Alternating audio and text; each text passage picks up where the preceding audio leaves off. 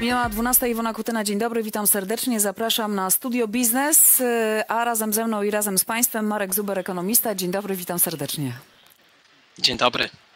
Tematów wiele do omówienia, na pewno czasu na wszystko nie starczy, ale to najważniejsze. Czekamy na wiadomość dziś po południu, decyzję Rady Polityki Pieniężnej w sprawie obniżenia, albo i nie, stóp procentowych. No właśnie, obniżka będzie, a jeśli tak, to ile? Panie Iwono, e, w normalnych warunkach, czyli przy, przepraszam, że użyję tego słowa, normalnej Radzie Polityki Pieniężnej powiedziałbym, że absolutnie nie. Dlatego, że nie mieliśmy sygnału w ostatnim czasie, żeby miało dojść do obniżek. Dlatego, że no przede wszystkim moim zdaniem merytorycznie absolutnie nie byłoby uzasadnienia dla takiej obniżki.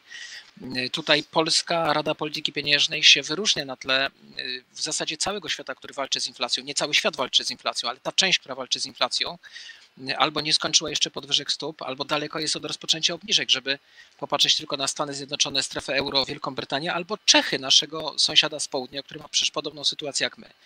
Ale pamiętam też, jak kilkanaście miesięcy temu y, Adam Glapiński, prezes Narodowego Banku Polskiego, przewodniczący Rady, powiedział, zaskoczyliśmy rynki, wtedy chodziło akurat o podwyżkę stóp procentowych i taki był nasz cel. Ja absolutnie nie widzę przesłanek do obniżania stóp. Y, uważam, że błędem były te pierwsze dwie obniżki. Oczywiście inflacja bardzo mocno spada, mi to widzimy, prognozowaliśmy to, wystarczy popatrzeć na to, co, co mówiliśmy w połowie roku, gdzieś w okolicach maja, nawet jeszcze przed, przed końcem pierwszego półrocza.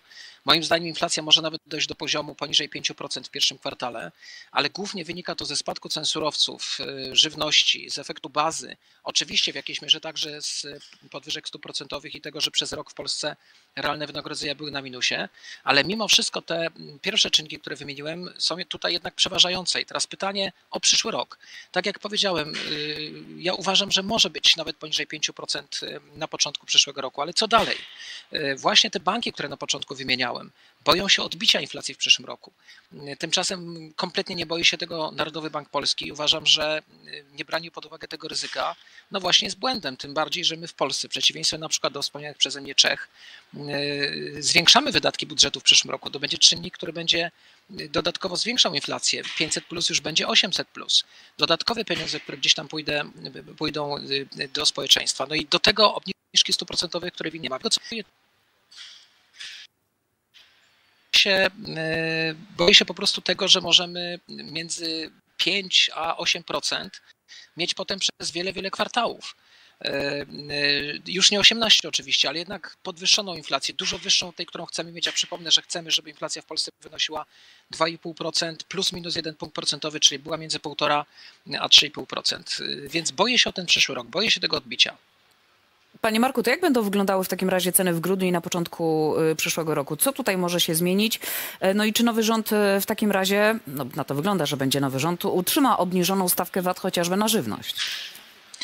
No właśnie, bardzo dobrze, że Pani o tym mówi, bo y, na koniec roku myślę, że będziemy w okolicach 6% plus minus. Oczywiście to będzie zależało mm, od no, choćby decyzji Orlenu, w kwestii paliw. Nie ma racji Adam Glapiński, tak na marginesie mówiąc, że to nie ma żadnego wpływu na inflację. Oczywiście same paliwa y, mają niewielki udział w koszyku inflacyjnym, ale oczywiście przekładają się na ceny innych towarów i usług. Ale to jest jeden z przykładów, no tych, tych przykładów jest więcej, ale myślę, że to będzie około 6%, plus minus, może nawet poniżej 6%. Natomiast co będzie w tych pierwszych miesiącach y, przyszłego roku, no to będzie zależało na przykład od tego, czy zostanie y, utrzymane mrożenie cen prądu, czy zostanie utrzymany zerowy VAT na żywność. Gdybyśmy wycofali się ze wszystkich tych tarcz antyinflacyjnych, bo tak nazywała się ta grupa działań, działań, y, to inflacja może nawet wzrosnąć o 2,5 punktu procentowego. Pewnie o tyle nie, bo nie sądzę, żeby cały ten wyższy VAT był przerzucony na mm, klientów od razu przez sieci handlowe. Myślę, że y, tutaj jednak nie byłoby takiego 1 do 1, ale powiedzmy te 1,5 punktu procentowego pewnie ta inflacja mm, byłaby wyższa. Y, no ale jeśli tarcze zostaną przesunięte, to moim zdaniem możemy zejść, tak jak powiedziałem, do poziomu nawet poniżej 5% w tych pierwszych miesiącach 2024 roku. Mm, tyle tylko że to są pierwsze miesiące. Natomiast potem y, ta baza, ten efekt bazy, czyli się do tych wysokich poziomów z poprzedniego roku, będzie już działał negatywnie, czyli w drugą stronę, będzie nam zwiększał tę inflację. Po drugie, ile jeszcze może potanieć pszenica, rzepak i inne produkty żywnościowe, skoro jesteśmy już tak naprawdę na poziomach sprzed 4-5 lat. No właściwie dalszy spadek cen albo aluminium czy, czy, czy rudy żelaza, dalszy spadek cen na przykład surowców mógłby wynikać tylko z jakiegoś dramatycznego kryzysu, którego dzisiaj nie przewidujemy i oby, oby do niego nie doszło oczywiście. No i oczywiście, tak jak powiedziałem, zwiększone kupowanie, bo po pierwsze od dwóch miesięcy już realne wynagrodzenia są na plusie, po drugie będą dodatkowe pieniądze wrzucane w społeczeństwo, po trzecie mamy bardzo mocny spadek y, płacy, y, bardzo mocny wzrost płacy minimalnej, co się przełoży oczywiście także na możliwości zakupowe. No i Rada jednak obniżyła te stopy. Y, kredyty są dalej bardzo drogie, ale jednak tańsze niż były trzy miesiące temu. Wszystko no tak, ale a propos razem... kredytów, panie Marku, banki zaostrzają warunki udzielania kredytów. Mimo, że coraz więcej potencjalnych, tylko... chętnych klientów jest zaostrzają, ale nie, y, moim zdaniem, nie do takiego poziomu, który bardzo mocno ogranicza akcję kredytową. No, są dwa powody tego zaostrzania. Pierwszy, pogorszył mi się ewidentnie portfel, no ale musiał się pogorszyć, skoro mm, choćby dlatego, że po pierwsze to, to oprocentowanie w ostatnich kilkunastu miesiącach wzrosło, jak wiemy, do poziomów niewidzianych nad Wisłą od 20 lat. No a po drugie, no właśnie, y, te realne wynagrodzenia spadły, czyli możliwości spłaty kredytu były mniejsze, bo mieliśmy mniej pieniędzy do, y, do dyspozycji. No i drugi czynnik jest, że banki boją się pogorszenia sytuacji makroekonomicznej. No akurat z tym się nie zgadzam. To znaczy, moim zdaniem, dołek mamy za sobą. Mm, przyszły rok będzie lepszy, choć nie fantastyczny. To będzie bardzo powolne odbicie w polskiej gospodarce, ale jednak będzie troszkę lepiej. Być może tutaj bankom chodzi o to, nawiązuje do mm, e, analizy, która została y, opublikowana przez Narodowy Bank Polski na bazie y, deklaracji banków. Być może bankom chodziło o to, że ten przyszły rok będzie gorszy niż myślały, że będzie Rzeczywiście te prognozy niektórych ośrodków y, bankowych się mm, pogorszyły w ostatnich mm, miesiącach, albo inaczej, wcześniej były one zbyt y, chóro optymistyczne. No i to może być takim elementem, który mm, ograniczy te możliwości udzielenia kredytu, ale to nie będzie jakiś bardzo mocny ruch, więc moim zdaniem jednak ten przyszły rok będzie pod tym względem lepszy, chociaż też pamiętajmy o tym, że ten rok jest zaburzony znowu tym kredytem 2.0. Szczególnie pierwsze dwa miesiące, bardzo mocne wzrosty oczywiście. No i tego efektu już nie będziemy mieli w przyszłym roku, bo w tych pierwszych miesiącach y, zapisali się do tego programu ci, którzy przygotowali się przez wiele miesięcy właściwie od ogłoszenia tego programu, więc te pierwsze, ten pierwszy okres zawsze mm, jest tutaj nadzwyczajnie dobry. Ale w sumie moim zdaniem mamy zagrożenie tego, że inflacja może odbić y, i dlatego nie powinno się tych stóp jeszcze obniżać. Obyśmy mieli szczęście, oby się to nie stało, y, ale Rada Polityki Pieniężnej nie, nie powinna polegać na szczęściu, tylko powinna brać pod uwagę przesłanki pozytywne i negatywne mamy przesłanki negatywne i dlatego nie powinno się tych step obniżać. Ja cały czas uważam, że było to działanie tylko i wyłącznie polityczne przed wyborami. Jak widać, nie udało się osiągnąć tego celu, który pewnie mm, część członków Rady sobie zakładała. Ale teraz będzie pierwsze posiedzenie, czy jest pierwsze, no bo to dzisiaj, e, wczoraj i jutro, e, wczoraj i dzisiaj e, kolejne posiedzenie Rady Polityki Pieniężnej, ale pierwsze po wyborach i zastanawiam się, czy tutaj, biorąc pod uwagę, co się wydarzyło w międzyczasie na scenie politycznej, czy co się lada moment wydarzy, może mieć wpływ na decyzję Rady. No moim zdaniem tak. Pani Iwono, oczywiście podwyżki stóp nie będzie. Nie wrócimy do tego, co będzie, bo to było takie totalne przyznanie się do po pierwsze błędu, po drugie działań y, nie, nie, nie mających nic wspólnego z merytoryczną kwestią oceny perspektyw inflacyjnych. Ale popatrzmy tylko na te niech będzie dwa banki, bo jeden to są nasi południowi sąsiedzi, gospodarka podobna do nas, choć nie taka sama oczywiście. Inaczej trochę liczą inflację, ale możemy wnioski jednak wyciągać, czyli Czechy i Stany Zjednoczone, czyli najważniejsza gospodarka na świecie. No to najpierw Stany. Inflacja w Stanach jest poniżej 4% y, już od dwóch miesięcy. Stopa procentowa jest na poziomie 5,5, przypomnę, u nas jest 5,75 i Jeremy Powell, szef amerykańskiego banku centralnego, cały czas uważa, cały czas daje sygnał, że prawdopodobieństwo podwyżki kolejnej jest na pewno większe niż obniżki, a rynek uważa, że pierwsze obniżki będą w trzecim kwartale przyszłego roku i Powell mówi cały czas, boję się odbicia inflacji w przyszłym roku. No i czeski bank centralny, który mówi dokładnie to samo, czyli boję się odbicia, boję się na przykład dlatego odbicia, że może dojść do zwiększenia presji płacowej. No przecież u nas będzie presja płacowa, skoro płaca minimalna idzie w górę, choćby tylko z tego tytułu. No i czeski bank centralny ma czwarty miesiąc, nie mamy jeszcze danych za październik, oni nie mają tego szybkiego odczytu, więc na razie mamy 4 miesiące jednocyfrowej inflacji. Ta inflacja mm, we wrześniu była y, no, 1,5 punktu procentowego prawie niższa niż w Polsce, bo była poniżej 7%. Mm, stopa jest na poziomie 7%, czyli wyżej niż u nas była kiedykolwiek i na razie ani widu, ani słychu na temat obniżek stóp procentowych. Ma Pani zupełnie inne podejście niż w Polsce. Jeszcze raz powtarzam, to nie jest tak, że połowy świata walczącego z inflacją uważa tak jak my, a połowa nie. E, jesteśmy naprawdę tutaj wyjątkiem. I moim zdaniem, niestety, wyjątkiem w złą stronę, to znaczy popełniamy błąd. No ale mam nadzieję, że przynajmniej teraz już kolejnych obniżek nie będzie i Rada mm, e, zacznie się zachowywać nie politycznie, tylko merytorycznie. Powtarzam, chciałbym, żeby inflacja w przyszłym roku spadła do poziomu 2,5%, ale jeżeli coś takiego by się wydarzyło, świadczyłoby to moim zdaniem o jakimś potężnym kryzysie porównywalnym z początkiem pandemii, czyli załamaniem popytu. Natomiast bardziej prawdopodobna wersja to jest odbicie inflacji. Dlatego obniżki stóp procentowych, biorąc pod uwagę te scenariusze dzisiaj, są błędem.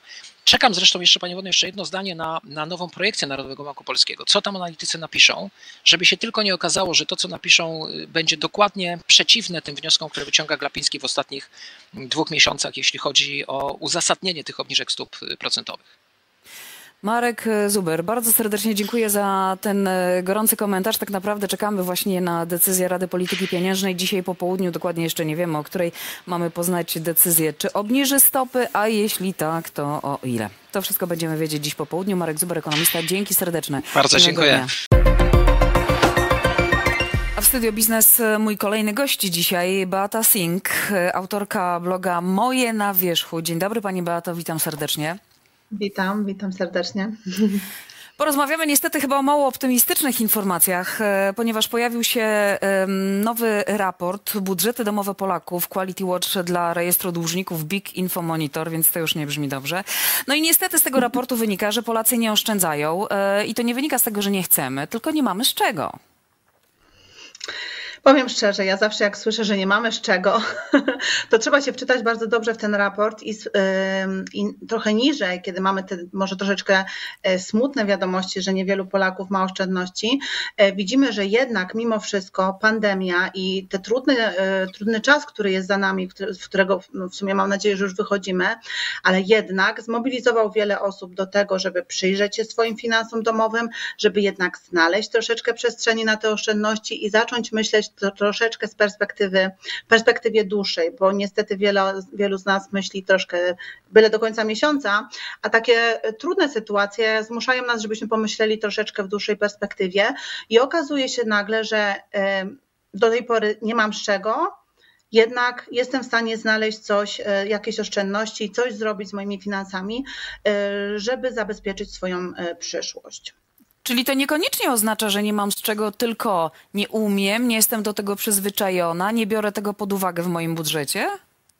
Dokładnie tak. Wielu z nas to to, co też e, dla mnie jest uderzające w tym raporcie, ale także z czym spotykam się na co dzień, rozmawiając z moimi, e, z moimi obserwatorami, z osobami, z którymi współpracuję, z moimi kursantkami, to to, że ludzi motywuje do podjęcia decyzji o oszczędzaniu to, że kiedy już jest ciężko, kiedy jesteśmy już pod kreską, kiedy jesteśmy już, e, że tak powiem, przy ścianie i brakuje nam oddechu, wtedy podejmujemy jakieś kroki, bo wtedy już musimy, jesteśmy na krawędzi i trzeba zacząć czytać, edukować się, szukać jakichś rozwiązań, sposobów, sposobów.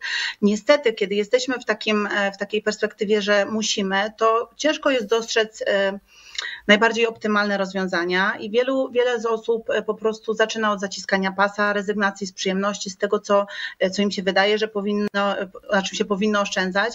I przez to to oszczędzanie e, staje się trudne, pracochłonne, nie, ma, nie jest efektywne i nadbudowujemy taką świadomość, że oszczędzanie po pierwsze, że kojarzy się z biedą, co, z czym ja bardzo walczę i staram się zaszczepić taką wizję, że oszczędna równa się świadoma, a nie biedna, ale też e, kojarzy się z czymś, co musimy robić tylko wtedy, kiedy jest trudno, a nie jako perspektywa na całe nasze życie, e, bardziej świadome i takie, o którym myślimy o swojej przyszłości i finansowym zabezpieczeniu.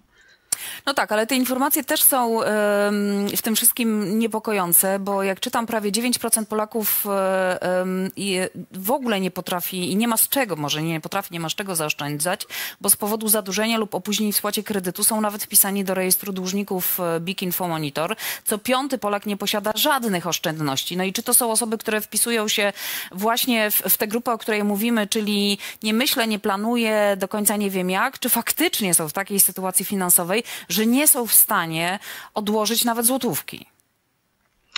E, może być oczywiście tak, że jesteśmy, mamy niskie dochody, e, czy wiele osób wpada w taką e, spiralę długów, dlatego że to też wynika troszeczkę z tego, że nie, nie, mamy odwagi zacząć czytać, edukować się. No nie wiem, nawet oglądać na Instagramie takich osób jak mnie, których jest coraz więcej na szczęście, które uczą, edukują w prosty sposób o, o zarządzaniu swoimi domowymi finansami.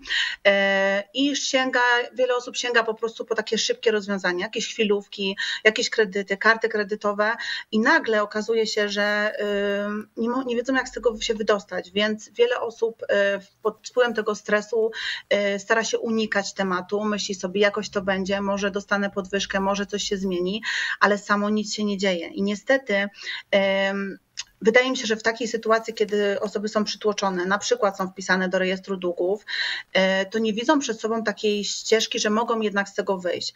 A prawda jest taka, że jedyną osobą, która może nas wydostać z tej trudnej sytuacji finansowej jest jestem ja, czyli e, trzeba stanąć, e, spojrzeć na zimno na swoje finanse, stawić im czoła i to jest tak naprawdę moim zdaniem, z mojego doświadczenia, jak obserwuję, najtrudniejszy krok, bo potem jak już to wszystko policzymy, nagle oswoimy te liczby, nawet zmierzymy się z tym swoim długiem, i zaczyna się pojawiać na horyzoncie jakiś pomysł, jak możemy zacząć. Często no jest to, nie wiem, nawet ciągnięcie po pomoc jakąś, e, czy od, e, nie wiem, od państwa, czy od rodziny, czy od, e, nie wiem, pójście po podwyżkę do szefa, ale dopóki nie stawimy czoła tym, tym takim faktom, to nic się nie zmieni. Wiele osób będzie się coraz bardziej zakopywało w, tych, w tej spirali, tylko ze względu na to, że właśnie boi się spojrzeć prawdzie w oczy.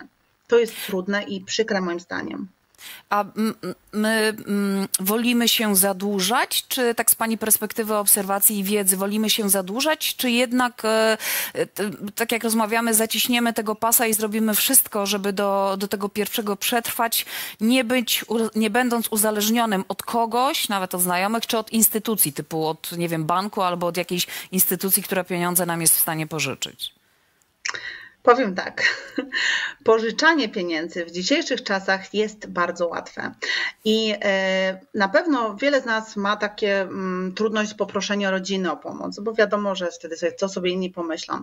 Natomiast e, pożyczenie pieniędzy jest moim zdaniem zbyt łatwe w dzisiejszych czasach, a oszczędzanie zbyt trudne. Jest to naturalne, instytucje finansowe jak banki zyskują na tym, czy, czy różnego rodzaju takie mm, mniej przyjazne instytucje pożyczające na wysoki bardzo procent. E, korzystając z tego, że ludzie nie mają zbytniej wiedzy i nie chcą się jakby zagłębiać w to, nie jest jasnym językiem napisane na przykład, co to oznacza, że e, oprocentowanie na karcie kredytowej jest na przykład 20%. Wiele osób tego nie, nie bierze pod uwagę, nie liczy, nie wie, ile będzie musiało z, zwrócić. E, natomiast wchodząc nawet na swoje konto w aplikacji, nie wiem, ja tak przynajmniej mam, mam ciągle jakąś ofertę nowej pożyczki, nowej karty, nowego super rozwiązania, które uratuje moją sytuację. I niestety jesteśmy tacy, że chcemy szybkich rozwiązań, że nam się zawsze wydaje, mamy troszeczkę takie myślenie życzeniowe, że jednak coś się wydarzy, zmieni się, ja potrzebuję tylko tego zastrzyku gotówki teraz, a potem jakoś to będzie. No i y, to jest prosta droga do tego, żeby y, właśnie znaleźć się w tym 9%, niestety. A komu najlepiej udaje się e, oszczędzanie? E, zacznijmy może od takiego podziału jak kobiety czy mężczyźni. Czy któraś z płci lepiej sobie radzi, jeżeli chodzi o e, własne oszczędności? Myślę, że znaczy, będzie mi się trudno wypowiedzieć, dlatego że 98% mojej społeczności to są kobiety. Ja mówię stricte do kobiet, a mówię dlatego dla kobiet, dlatego że y, mam wrażenie, że mm, dla mężczyzn pomocy w oszczędzaniu czy zarządzaniu finansami jest dużo więcej i do mężczyzn troszeczkę trzeba też inaczej mówić niż, y, może nie inaczej mówić, mamy inne priorytety i kobiety zawsze będą podchodzić do pewnych kwestii bardziej emocjonalnie, y, a mężczyźni troszkę bardziej no, to jest generalizowanie oczywiście, ale bardziej tak na chłodno, zakłada się tak, e, że mężczyźni mają bardziej jakby analityczne umysły. Nie jest to jakby żadną powiedzmy prawdą, natomiast kobiety mają trochę inne podejście i inne możliwości i też w innym miejscu mogą zacząć te swoje zarządzanie domowym, e, domowym e, budżetem. Ja mam wrażenie, że większe, dlatego że po większej części jest tak, że kobiety zarządzają domem, zakupami, organizują te wydatki i tak naprawdę naprawdę to od nich zależy, dokąd te pieniądze chodzą. A wiele osób oddaje swoją sprawczość, że mam, przychodzi mi wypłata i po prostu ona się rozchodzi. E, I tego, czego ja uczę kobiety, to to, że ona się nie rozchodzi. To ty decydujesz, dokąd idą twoje pieniądze. Część z nich może iść na twoje konto oszczędnościowe albo na twoje marzenia. Natomiast jeżeli chodzi o to, czy mężczyźni, czy kobiety. Ja myślę, że każdy z nas może w którymś momencie powiedzieć: Mam już dość takiego życia i chcę coś zmienić. I o dziwo, łatwiej jest zrobić to osobom, które są w trudnej sytuacji finansowej, czyli są w takim właśnie już przy tej ścianie, bo odpada ta decyzja, może jeszcze od jutra, nie masz wyjścia. I niestety bardzo często dostaję takie informacje od, od dziewczyn, które, które mnie obserwują, że no dzisiaj rano odszedł ze mnie partner i cieszę się, że wcześniej cię obserwowałam, bo dzisiaj muszę już zacząć. Albo y, coś tam się wydarzyło, rozchorowałam się i tak dalej to jest dla mnie alarmujące, bo fajnie by było naprawdę i dużo łatwiej by się żyło naszym, w naszym kraju, gdyby ludzie myśleli troszeczkę w dłuższej perspektywie niż tylko kiedy już są pod ścianą. Ale te dziewczyny, jak do pani się odzywają, piszą i rozmawiacie ze sobą, to, to one mają takie poczucie, że doszły do tej ściany i w związku z tym muszą przeorganizować to swoje życie ekonomiczne, nazwijmy tak, żeby jakoś normalnie funkcjonować albo odbudować to swoje zaplecze i tą poduszkę finansową, żeby mieć całkiem e, sporą? Czy one mówią, nie no, muszę iść po kolejny kredyt, bo, bo inaczej ja sobie nie poradzę? Nie, nie, zawsze. Y, jeżeli dostaję takie wiadomości, dostaję mm, często.